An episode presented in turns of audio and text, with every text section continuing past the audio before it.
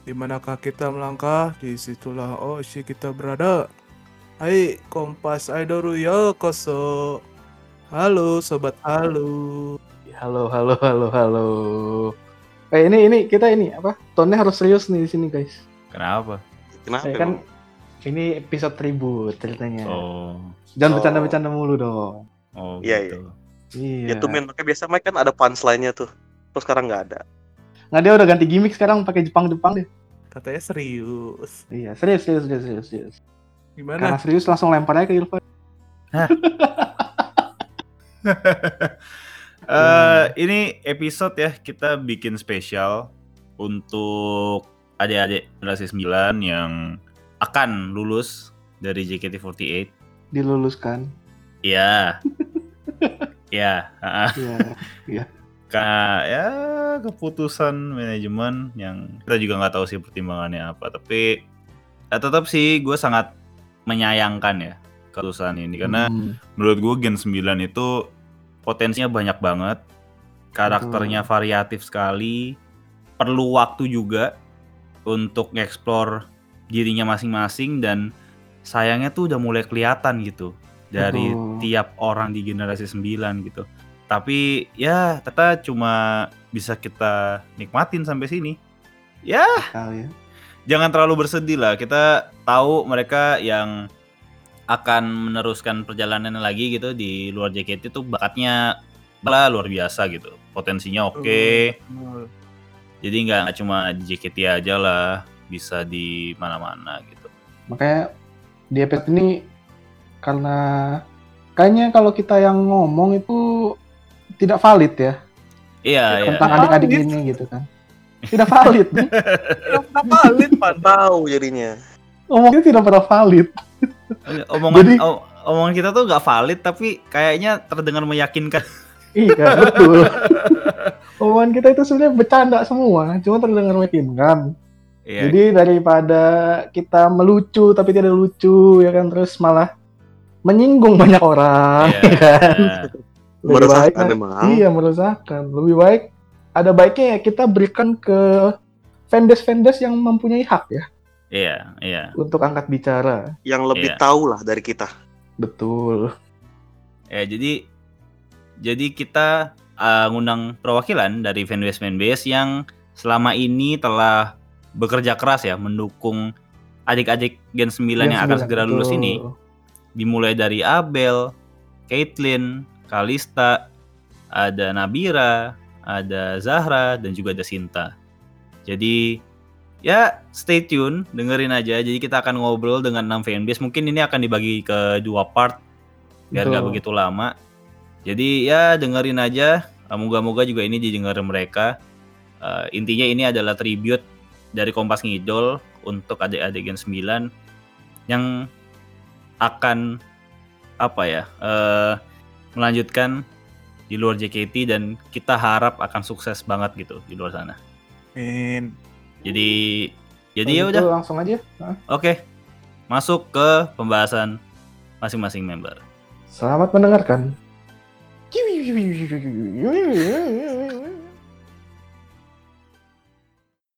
Halo semuanya, untuk menggapai mimpi, bantu aku di setiap langkah kecilku ini ya. Aku Caitlyn, terima kasih. Yeay! Kathleen. Um. I love you.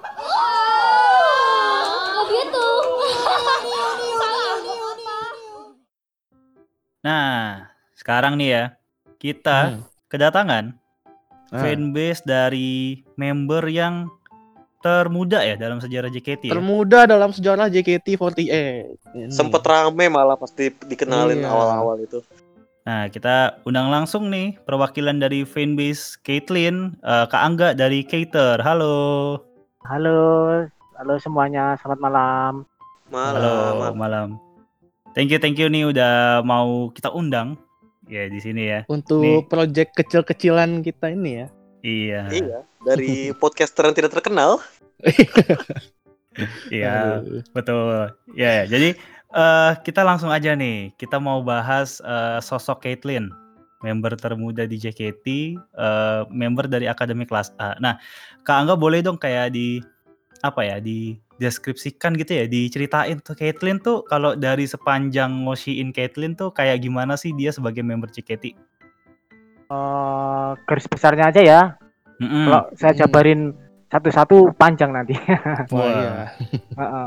Nih untuk pertama sih emang ya seperti yang sudah kita ketahui bersama ya, Caitlyn itu merupakan member termuda Mhm. Tuh. di 48 group ya. Artian Mm-mm. di 48 group yang lain tuh tidak ada yang member yang lebih muda dari Caitlyn gitu waktu masuk ke Hmm. 48 group itu. Hmm, Itu yang oke. pertama, terus dua itu Caitlyn itu uh, punya dua bersaudara ya. Dia anak kedua dari tiga bersaudara gitu. Latihan dia punya satu kakak dan satu adik gitu. Nah Mm. kakaknya ini kebetulan juga uh, member JKT gitu ya. Seperti kita ketahui kan namanya Abel itu. Terus Caitlyn ini asalnya dari Surabaya. Seingat saya tuh dulu dia uh, daftar JKT itu uh, bareng sama kakaknya tuh uh, apa namanya itu istilahnya tuh bareng gitu loh. Hmm. Mm. Uh, uh, diajak kakaknya gitu loh. Awal- awalnya sih iseng gitu cuma kok akhirnya diterima ya udah. Ini ingat saya sih dulu awalnya dia pernah cerita gitu di Twitter gitu sih. Eh, kenapa sih kayak eh, Caitlyn tuh apa ya kayak personanya gitu kayak gambaran itu kalau jadi member gimana sih? Mungkin kalau lagi apa ya kalau lagi video call gitu mungkin ya? Iya, atau kalau lagi di gitu ya. Heeh, kayak lagi di stage gitu. Kalau di state sama kita tetap muka langsung eh, pasti punya ini ya ya namanya apa eh, ciri khas tersendiri ya. Mm. seperti kita lihat kalau di teater gitu yang kita lihat gitu emang anaknya tuh eh, ceria gitu. terus kalau emang kalau kita ngobrol langsung dia emang apa ya lucu sih ya, mungkin Hmm. karena emang masih kecil ya jadi iya iya ya, kalau kita ajak ngobrol juga mesti kayak kita ngobrol ajak ngobrol anak kecil gitu kan lucu gitu eh. terus yang jadi ciri khasnya dia sendiri sih kalau di JKT ini ya Mm-mm. recehnya sih mas receh receh dia Oh. member yang receh Oh, gampang ketawa gitu ya maksudnya ya. Ya betul. Jadi eh, kan dia juga pernah cerita tuh di Twitter kalau ketemu kak ini kak ini yang teman segenerasinya itu dia ketawa mulu ketawa mulu gitu kan. Hmm. Receh iya. gitu lah. Itu sih jadi ciri khas dia di JKT sih itu. Receh. Eh, recehnya tuh eh, ada yang ini nggak? Yang lumayan diingat gitu mungkin? Recehnya si Caitlyn tuh kayak gimana sih? Ya kalau dulu nggak ini ya dia mungkin dulu kalau awal dia eh, main main sosmed tuh main Twitter tuh mungkin dia belum berani nunjukin. Tapi akhir-akhir ini kan kita- seperti kita ketahui dia bikin joketin tuh. Bikin Hmm. konten Ah. sendiri dia di Twitter. Nah itu ya kayak gitu mas. Cerecehnya dia kayak gitu saya sendiri kalau nonton lihat Twitternya dia yang joketlin tuh ya emang emang ini dia gitu Caitlyn tuh ya kayak gini gitu. kayak ini ya kayak suka apa eh lawakan-lawakan lucu-lucuan Iya, gitu ya lucu-lucu gitu yang yang yang menurut beberapa orang mungkin garing jayus tapi Ah, iya. menurut, dia ah, menurut dia lucu gitu loh makanya saya bilang receh Macam Iya, jokes iya. bapak-bapak begitu ya. nah iya kurang lebih itu Eh, ini kalau kalau dari Kak Angga sendiri atau mungkin dari teman-teman mungkin se-fanbase gitu ya atau sesama OC Caitlyn, biasanya tuh kayak sukanya sama Caitlyn tuh apa karena memang recehnya aja atau kayak misalnya wah ini eh, paling muda nih makanya harus kita dukung eh, karirnya misalnya di JKT gitu. Atau ada nggak sih kayak hal-hal yang benar-benar bikin orang jadinya tertarik gitu sama Caitlyn? Iya daya tariknya Kalau- dia gitu yang lain Oh, gitu. daya- misalnya. tarik kan saya nggak bisa narik satu kesimpulan mas ya Soalnya kan Mm, Mm. Oh, oh, soalnya kan mesti ada banyak alasan orang mau dukung gitu. Ya kan Iya. salah satunya ya itu Betul. tadi mungkin dia suka sama lucunya, suka sama recehnya, suka Mm-mm. sama apa namanya tuh bakat dia gitu loh. Kan eh, ki- kita ketahui juga kan kalau dia perform itu nggak jelek gitu. Latihan dia Iya, iya. bisa mengimbangi kakak-kakaknya padahal usia dia jauh di bawah kakak-kakaknya tapi dia bisa ngimbangin ya itu ya alasannya macam-macam mas saya nggak bisa narik satu dua kesimpulan pasti mereka Iya, uh, uh, Tapi balik kalau secara personal itu ya. secara personal ya betul Ya, ya, memang anaknya tuh eh, yang lumayan berkesan tuh ketika dia eh, mimpin MC di Pajama juga ya berarti ya. Dia tuh center akademi nggak center sih? ya betul center betul kan? mas center di setlist jadi ya didapuk untuk selalu bawa buka MC, bawa MC gitu pasti karena center. Padahal dilihat umurnya juga yang masih paling muda tapi udah Nah, jadi itu dia. center Oh, bagus banget makanya. itu ya. Makanya untuk usu- ukuran seusia dia, uh saya bisa bilang luar biasa sih. Iya iya iya. Ya, kita juga kayak awal nonton pajamanya yang Gen 9 juga agak kaget ya. Kayak Mm-mm. Hmm. Caitlyn hmm, wah iya, iya. di tengah ngelit MC Kirain bakal gitu. kayak Marsha atau Ashel gitu Iya. kan. Oh, wah ya. Ternyata adik kecil ini yang jadi center Hmm. justru ya. Dan dia bisa ngebawa itu keren sih. Nah itu dia. Eh, kira-kira nih, ini kan Caitlyn kan akan apa ya, melanjutkan perjalanannya lagi gitu ya di habis Di eh, luar JKT. di luar, Di luar JKT JKT ya. lulus ya. Eh, kira-kira apa yang bakal dikangenin banget nih kalau dari Kangga sendiri atau mungkin dari mungkin sesama Oshi Caitlyn tuh wah ini gue bakal kangen banget nih Caitlyn yang begini-gini gitu. Saya pribadi bakal kangen bawelnya dia sih, bawelnya di Twitter. Ah, ah. Ah, ah, benar sih. Ya, saya harapannya sih semoga kalau udah di luar JKT dia tetap aktif main ya ketepun kita nggak bisa maksa ya karena anak usia segitu kan Mm-mm, mm-mm. umuran gitu terus ya kalau dia nanti sempetin aktif di Twitter ya pengennya sih dia bawel lagi Kalau kalau nanti buka Twitter, IG berarti bakal di follow semua ya. ya pasti mas Iya pastilah. pasti Nah ini ada ini nggak kayak eh, pesan gitu atau thank you message buat Caitlyn gitu? dari fanbase atau dari ini sendiri Dari fanbase, perwakilan Fanbase ya? fanbase boleh kak. Ah. kalau untuk secara resminya dari fanbase nanti eh, dari kita akan kirim apa namanya tweet sendiri ya untuk Oke, berkesan buat Dari dia gimana. pribadi aja untuk- gitu. Ah, dari untuk saya sendiri kata-katanya mungkin kayak thank you message-nya buat Catherine tuh pertama ucapan terima kasih karena dia udah uh, bekerja sangat keras jadi ya kan usia segitu dia udah bisa memberikan keceriaan buat uh, fans-fans JKT lainnya gitu tuh terus kedua harapannya semoga di luar JKT dia bisa lebih melesat lagi gitu karena emang Hmm. eh, eh, karena emang untuk jenjang karir kan nggak nggak cuma di JKT ya di luar sana tuh Iya. masih banyak gitu apalagi untuk Iya, iya. anak usia seusia dia ya kan Mm-mm, yang saya lihat mm-mm. emang bakat dia tuh banyak tuh sebenarnya nggak cuma untuk MC atau nyanyi atau nari dia juga bakat di acting gitu semoga karir dia bisa lebih maju nanti ke depan Amin, Oke. amin, amin. itu aja sih, Amin. Mas. Ya, ya kita juga ya bakal kangen sih ya, maksudnya member termuda ya Iya. Iya. dari JKT. Ya semoga ya nanti Caitlyn bakat acting, dance apa pun lah itu ya amin ya bisa apa ya bisa dapat kesempatan lebih Apa pun, bagus ya. lah ya. Apa pun yang akan dilakukan selanjutnya dia lah bisa ya. mengembangkan bisa mengeksplor di luar sana gitu Karena dia masih panjang kok.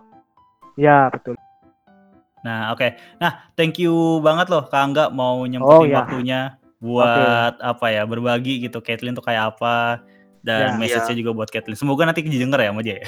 Ya, semoga didengar sama amin.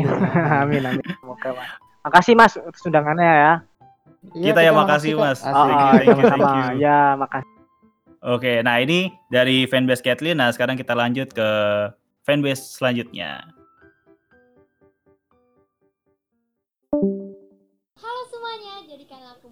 Terngiang di benak kalian. Namaku Abel, terima kasih. Yeay! Abel! Nah, kembali lagi. Nah, ini salah satu member ya yang gue nggak tahu sih ya kayak kalau gue nonton nih kalau di live streaming gue pernah sekali nonton pajama tuh di teater langsung apa ya image-nya agak-agak kanjeng ratu gitu kanjeng putri gitu Ndoro Tapi dia kalau TikTok nih gue liat-liat rajin ngupdate sih. Kayaknya petakilannya tuh di media. eh petakilannya hanya di rumah ya kayaknya iya iya iya. Gua gua tadi barusan nonton rumah umaknya katanya masih takut-takutan sama orang. Oh gitu iya. Ba- baru ini lah ya. Baru pertama kali gitu ngadepin banyak orang terus banyak kan kan laki-laki lagi kan. Mungkin Ya. agak ini shock. Ya, ya mungkin, mungkin. Tapi daripada kita so tahu mulu ya. Mending kita Iya. konfirmasi langsung ke Ah, ah. orang yang Oshiin member ini. jadi kita langsung sambut Kak Isan dari Adorable atau Adorable ya. Bacanya gimana nih? Takut salah ngomong. Ya, halo, halo. Nah, ini jadi perwakilan ya. Ini fan fanbase bacanya gimana sih fanbase-nya Abel nih? Adorable atau Adorable? Mana ya? Saya juga jarang ngucapinnya sih ya. Nyamannya aja lah, asal nggak salah baca aja sesuai huruf.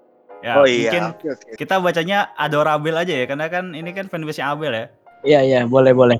Nah, ini kan Abel ya kayak salah satu member yang sebenarnya cukup muda juga. Gue penasaran aja sih sama Abel itu karena kalau lagi di panggung itu kalem banget bawaannya. Itu emang sosok itu yang jadi first impression ke Kaisan ketika memutuskan untuk ngosiin dia atau kayak gimana nih ceritanya nih? Eh, itu juga sih ya kan awalnya dia nongol-nongol kelihatan kayak jutek, pendiam gitu kan, Hmm. misterius gimana gitu. Jadi kayak Mm, mm, mm. penasaran nih orangnya gimana, kalau kenal deket gimana gitu. Jadi ngedeketin yang jutek juga kan agak susah mungkin ya. Iya, Jadi kayak iya, lebih tantangan gitu. Ah, iya, iya. Nah, terus apakah ini maksudnya diambil sebagai tantangan gitu untuk ngasihin Abel atau gimana nih kak? Ya itu juga bisa jadi tantangan juga sih karena kan dari sikap cueknya apakah kita bisa merubahnya menjadi sedikit nggak terlalu cuek gitu dalam dunia JKT kan kalau terlalu cuek ke fans juga gimana gitu ya. Hmm, Iya sih, iya iya. Jadi kayak tantangan tersendiri buat kita bikin dia tuh nggak terlalu cuek gitu lah. Ini gak sih kayak ada terasa nggak kayak perubahannya dari awal join JKT sampai mungkin di beberapa bulan terakhir gitu ketika misalnya lagi VC atau lagi di panggung itu lumayan ada perubahan nggak dari sosoknya yang kalem terus jadi mungkin lebih aktif atau tetap kalem aja gitu?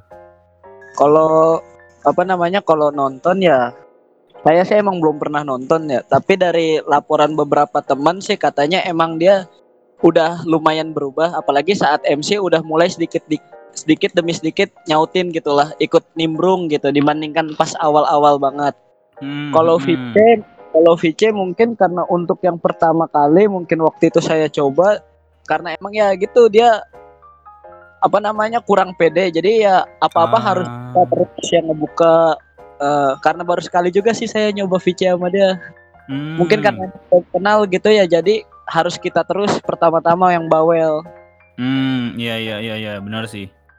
Nah ini eh boleh nggak di, kayak diceritain? Gue penasaran aja sih sama eh, Gen 9 secara keseluruhan gitu, karena kayaknya tuh karakternya lumayan variatif gitu dan Abel ini gue lihat memang paling kalem gitu. Kalau di VC waktu itu kayak gimana tuh? Gue gue penasaran aja sih gimana dia interact with the fans gitu. awal gue VC sama dia tuh ya emang gitu kan pertama kayak cuma nanya nama kan. Halo kak siapa namanya? Setelah kita Hmm, nyoba di situ ya kita yang aktif nyari topik kita yang nanya ya itu dia jawabnya oh, masih agak malu-malu juga diem-diem Ah. doang. Itu sih kayak nggak ada nunjukin buat nyari topik juga gitu. Jadi ya emang awal pertama VC-nya tuh harus kerja keras banget nyari topik kalau sama dia tuh. Susah banget itu. Iya, iya. Udah kan hitungannya dengan anak yang umur segitu kita bahas apa gitu Iya, agak susah ya cari titik temunya gitu ya. iya susah nyari titik pasnya buat ngobrol asiknya tuh emang agak rumit tapi kalau udah iya, dapet iya, iya, iya. jadi asik sendiri nantinya Ah, teman-teman yang lain begitu juga ya kayaknya testimoninya ya. Eh, pernah sih saya nyuruh temen sekali katanya ya kurang lebih kejadian yang sama kita harus emang nyari topik dulu di awalnya Oh, gitu. Memang agak pemalu kali ya anaknya ya. Iya sih, memang kayak ini ya, berbanding terbalik sama adeknya ya. Adeknya kan agak pe- petakilan gitu ya. Maksudnya MC-nya iya. masih adanya kelihatan aktif banget gitu ya dia Heeh. di Twitter aja kan juga udah lumayan kayak interaksi adanya dengan fansnya juga udah lumayan bagus dari Hmm. Twitter Abel kan Betul. juga jarang banget nge-tweet kayak emang Oh. bener-bener diem banget gitu Tapi sering update TikTok sih kayaknya gue liat ini.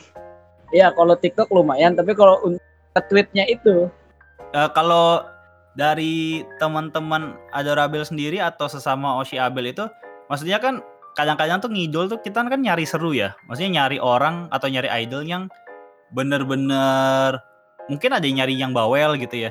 Tapi kenapa teman-teman eh, tetap ngosiin Abel yang sosoknya tuh kalem banget gitu, yang malu-malu bahkan.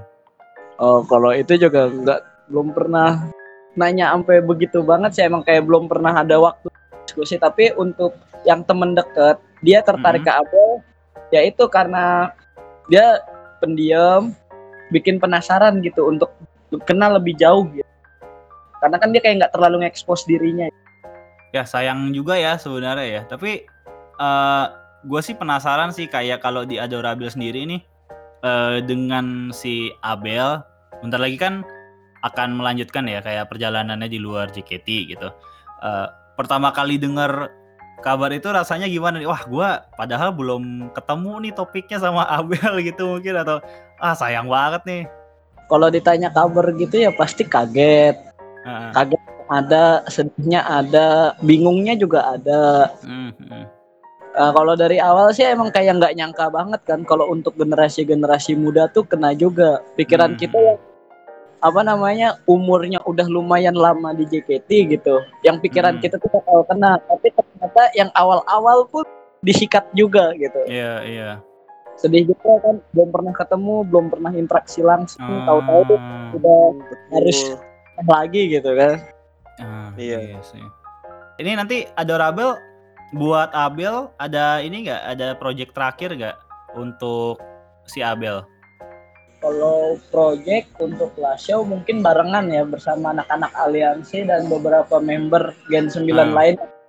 Kalau dari Adorable sendiri mungkin dari kami nanti pas hari last show-nya kemungkinan hanya mengeluarkan stiker dan pribadi dari fanbase untuk Abelnya. Ah, oke. Nah ini kan eh, untuk apa ya pesan ya pesan terakhir lah ya kepada Abel sebagai eh, member JKT. Mungkin ada yang mau disampaikan kayak thank you message atau farewell message untuk Abel. Ya moga-moga episode ini didengar Abel kan syukur-syukur ya. Kalau untuk kesan untuk Abelnya nanti ya, kalau dia udah nggak di JKT ataupun dia di mana pun nantinya, ya semoga dia menjadi orang yang lebih sedikit membuka diri gitu. Jangan terlalu cuek, jangan terlalu pendiam, Hmm. karena Mm-mm. kan nggak semua orang bisa mulai ngedeketin dia kalau dengan dia kayak pencuek, kayak kalau kalau kayak dia kayak cuek begitu kan. Kita Hmm. mau interaksinya pun agak ragu. Nih orang cuek, jutek, kelihatannya kayak galak. Padahal mungkin aslinya dia nggak begitu. Jadi ya Iya sih, iya iya. di mana pun jalannya nanti dipilih setelah JKT, usahain untuk sedikit lebih membuka diri, sedikit lebih memulai interaksi dengan orang lain. Makasih aja untuk selama ini meskipun kita belum pernah ketemu, tapi ya makasih udah bikin gue penasaran gitu untuk ngejar-ngejar lo. Yes. Oh iya, keren keren. keren. Wey. Iya banyak ada loh tipe fans yang kayak gini loh, yang su- apa yang lebih tertarik sama member-member yang pendiam, menutup diri. Jadi dia kayak berusaha pengen member ini tuh lebih terbuka gitu. Dia pengen buka cangkangnya ini member gitu. Iya, benar sih. Ya member-member yang kayak gini sih memang ini ya eh, bikin penasaran gitu sebenarnya. Cuma sayangnya kayaknya memang belum waktunya aja kali ya. Ya iya, mudah-mudahan Abel bisa lebih terekspos lagi ya nanti ya di luar JKT ya. Amin. Amin. Amin.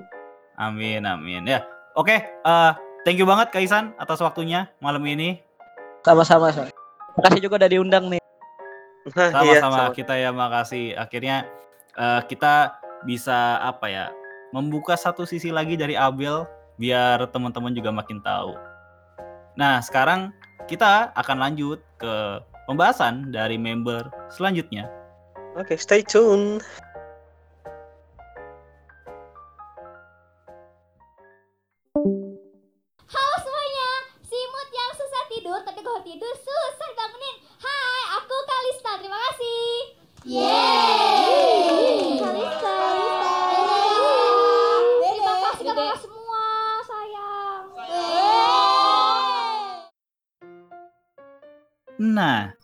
Siapa Jar? Nah, ini. Nah, Nah, ini. Ini adalah fanbase, salah satu fanbase yang akhir-akhir ini sedang lama ya dibicarakan di timeline. Karena OC-nya sold out habis-habisan, VC-nya luar Hebat. biasa. Luar biasa. hebat sih. Luar biasa. luar biasa. Congratulations. Congratulations ya. Kita perkenalkan saja langsung ya dari fanbase Kalista, yaitu Kalistar Ayo, siapa yang mau ngomong? Oh, Duluan. ya kenalin dulu dong orang ya. Ada Oh, Kak iya. Cika. Ada Kak Cika dan Kak Sofian ya. Iya, halo Kak. Halo, halo, Halo, halo. halo. Assalamualaikum semua para pendengar Kompas Ngidol. Waalaikumsalam. Ini nih, gue suka nih yang santun-santun gini gue suka nih. Eh, Membangun reputasi podcast kita yang sudah buruk ya. Loh. Ya, Tidak ya, ya, gitu ya. dong. Gara-gara lu, Oke, Der. Ya sudah, kita langsung Oke, saja ya. Lanjut, lanjut. Ya, sekarang kita mau bahas tentang Kalista nih. Ini eh, salah satu member yang apa ya di Gen 9 yang lumayan rajin ya, bukan lumayan lagi ya, rajin banget showroomnya ya. Wah, Tiap hari Kak. Ratu Showroom julukannya. Gila kali lu. The best. Tiap hari bener kata Kak Cika tuh. Nah ini, tapi tuh kayaknya kan baru-baru kali ini aja ya, maksudnya mungkin baru beberapa bulan terakhir sangat rajin gitu showroom. Tapi kan sebelum-sebelumnya kan eh, belum Ada begitu jeda lah. sering, ada jeda lah ya gitu. Nah kita pengen tahu nih sebelum itu eh, Kak Sofian sama Kak Cika itu ngelihat Kalista tuh kayak gimana sih first impressionnya? Terus kok tertarik gitu sama Kalista dan ingin mendukung Kalista di JKT48? Kalau pertama lihat sih eh, karena ini Kak anaknya gimana ya? Ceria kan, kayak mm-mm. ada pesonanya sendiri lah yang bikin bisa karena apa ya? Dia ceria terus itu kemudian bisa narik orang lah ibaratnya. Eh ini kayaknya pernah Hmm. bikin orang penasaran gitu. Eh, kok bisa sih anak seumuran gini dengan energi kayak dia tuh nyebarin Hmm. energi-energi positif kayak gitu buat orang-orang buat Iya, iya. dukung dia. Gitu sih first impressionnya ke Kalista. Kalau Kak Sofian gimana tuh first impression ke Kalista? Kalau gua first impressionnya jujur aja, sebenarnya Oci gue sebenarnya banyak di Gen 9. Cuman gua paling itu ya ke Kalista. Gara-garanya kan itu gue scroll scroll TL tuh tanggal 1 Maret 2020. Oke. Ada hashtag hari bahagia Kalista, ultah dia ke-14.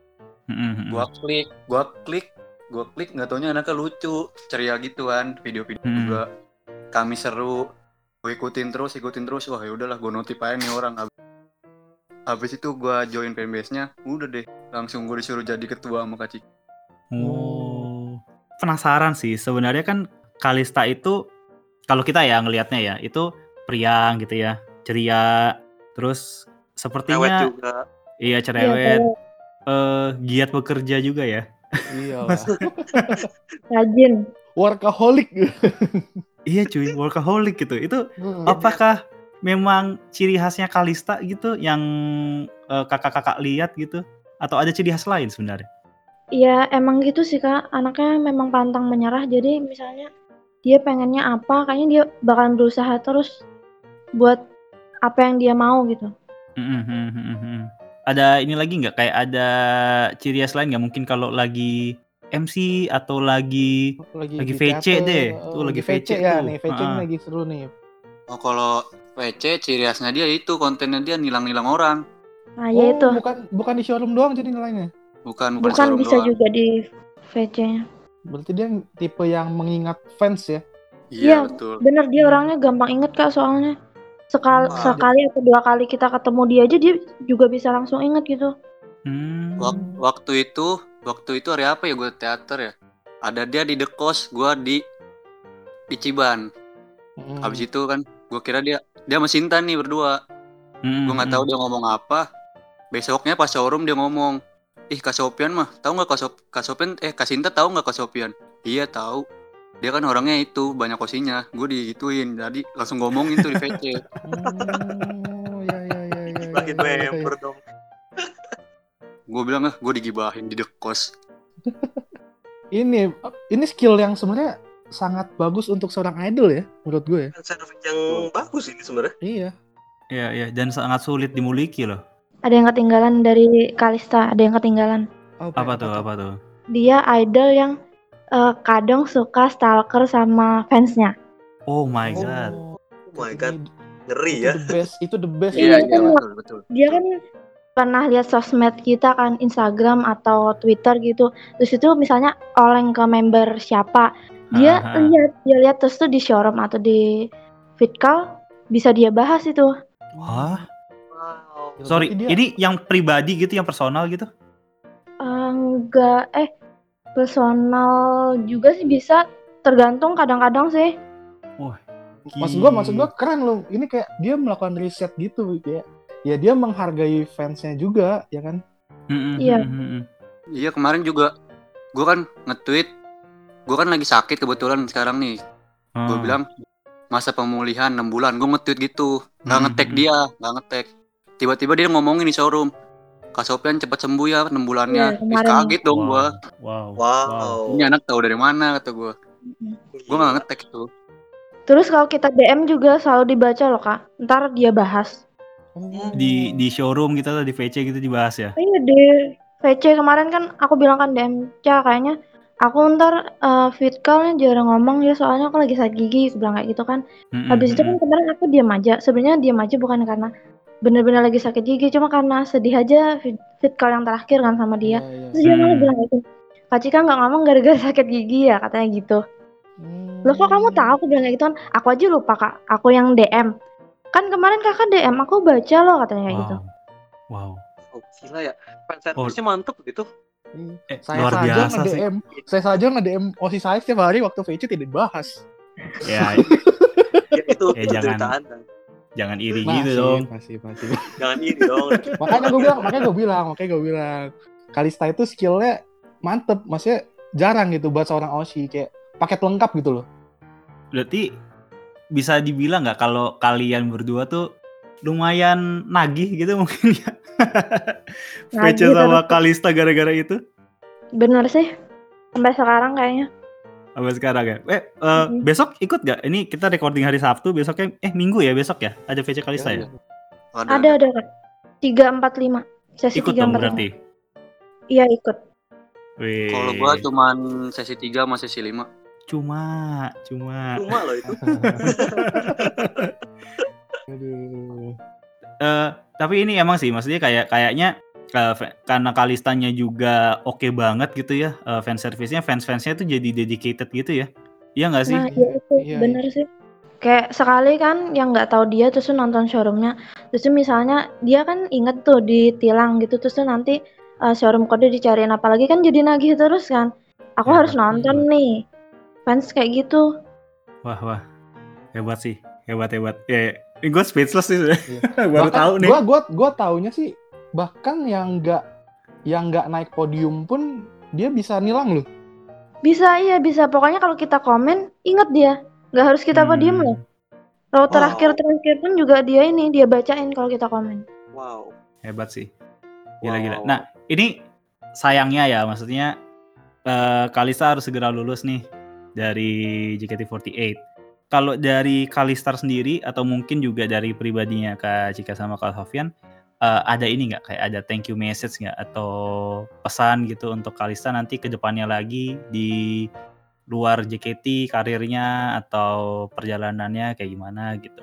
Apanya gimana ya? Boleh silakan. Ada kak. Untuk ke depannya ya eh, pesannya buat dia eh, jangan pantang menyerah. Dia kan masih muda ya, masih muda banget lah Mm-mm. ibaratnya. Mm-mm, mm-mm. Eh, karirnya nggak cuma berhenti sampai di sini kok. Kami semua pun yakin di luar dari JKT ini dia bakalan lebih bersinar dengan eh, pribadinya yang ceria, yang memberikan energi positif bagi orang-orang. Kemudian eh, dia bisa lebih berkembang lah nanti di luar sana dengan mungkin masih di entertain juga dapat tawaran-tawaran Hmm, lagi. hmm, hmm. Itu sih Amin, dari amin. aku pribadi.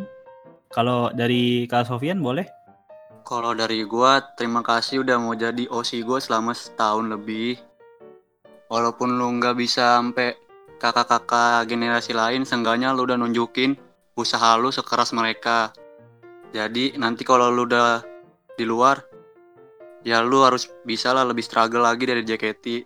Lu buktiin ke mereka karena nggak semua yang mereka bilang tuh benar. Lu tuh pasti bisa kok di luar. Terus kayaknya buat harapan ke dia gue nggak ada harapan deh gue nggak ada harapan sih ke dia tapi gue punya Tuhan gue percaya Tuhan bisa memberikan harapan yang baik ke dia udah sih itu aja Allah.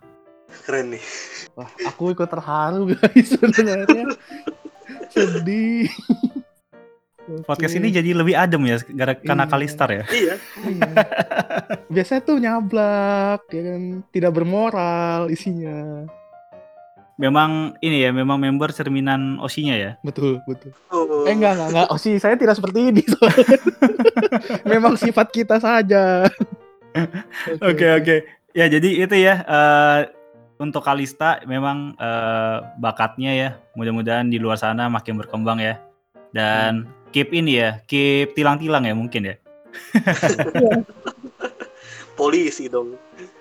Oke, eh, Kak Cika, Kak Sofyan, thank you banget loh waktunya Aduh, malam ini. Semoga Yo, thank you. podcast ini bisa didengar ya sama Kalista. Pesannya juga tersampaikan. Eh, gua mau ini dong, terakhir dong, boleh nggak?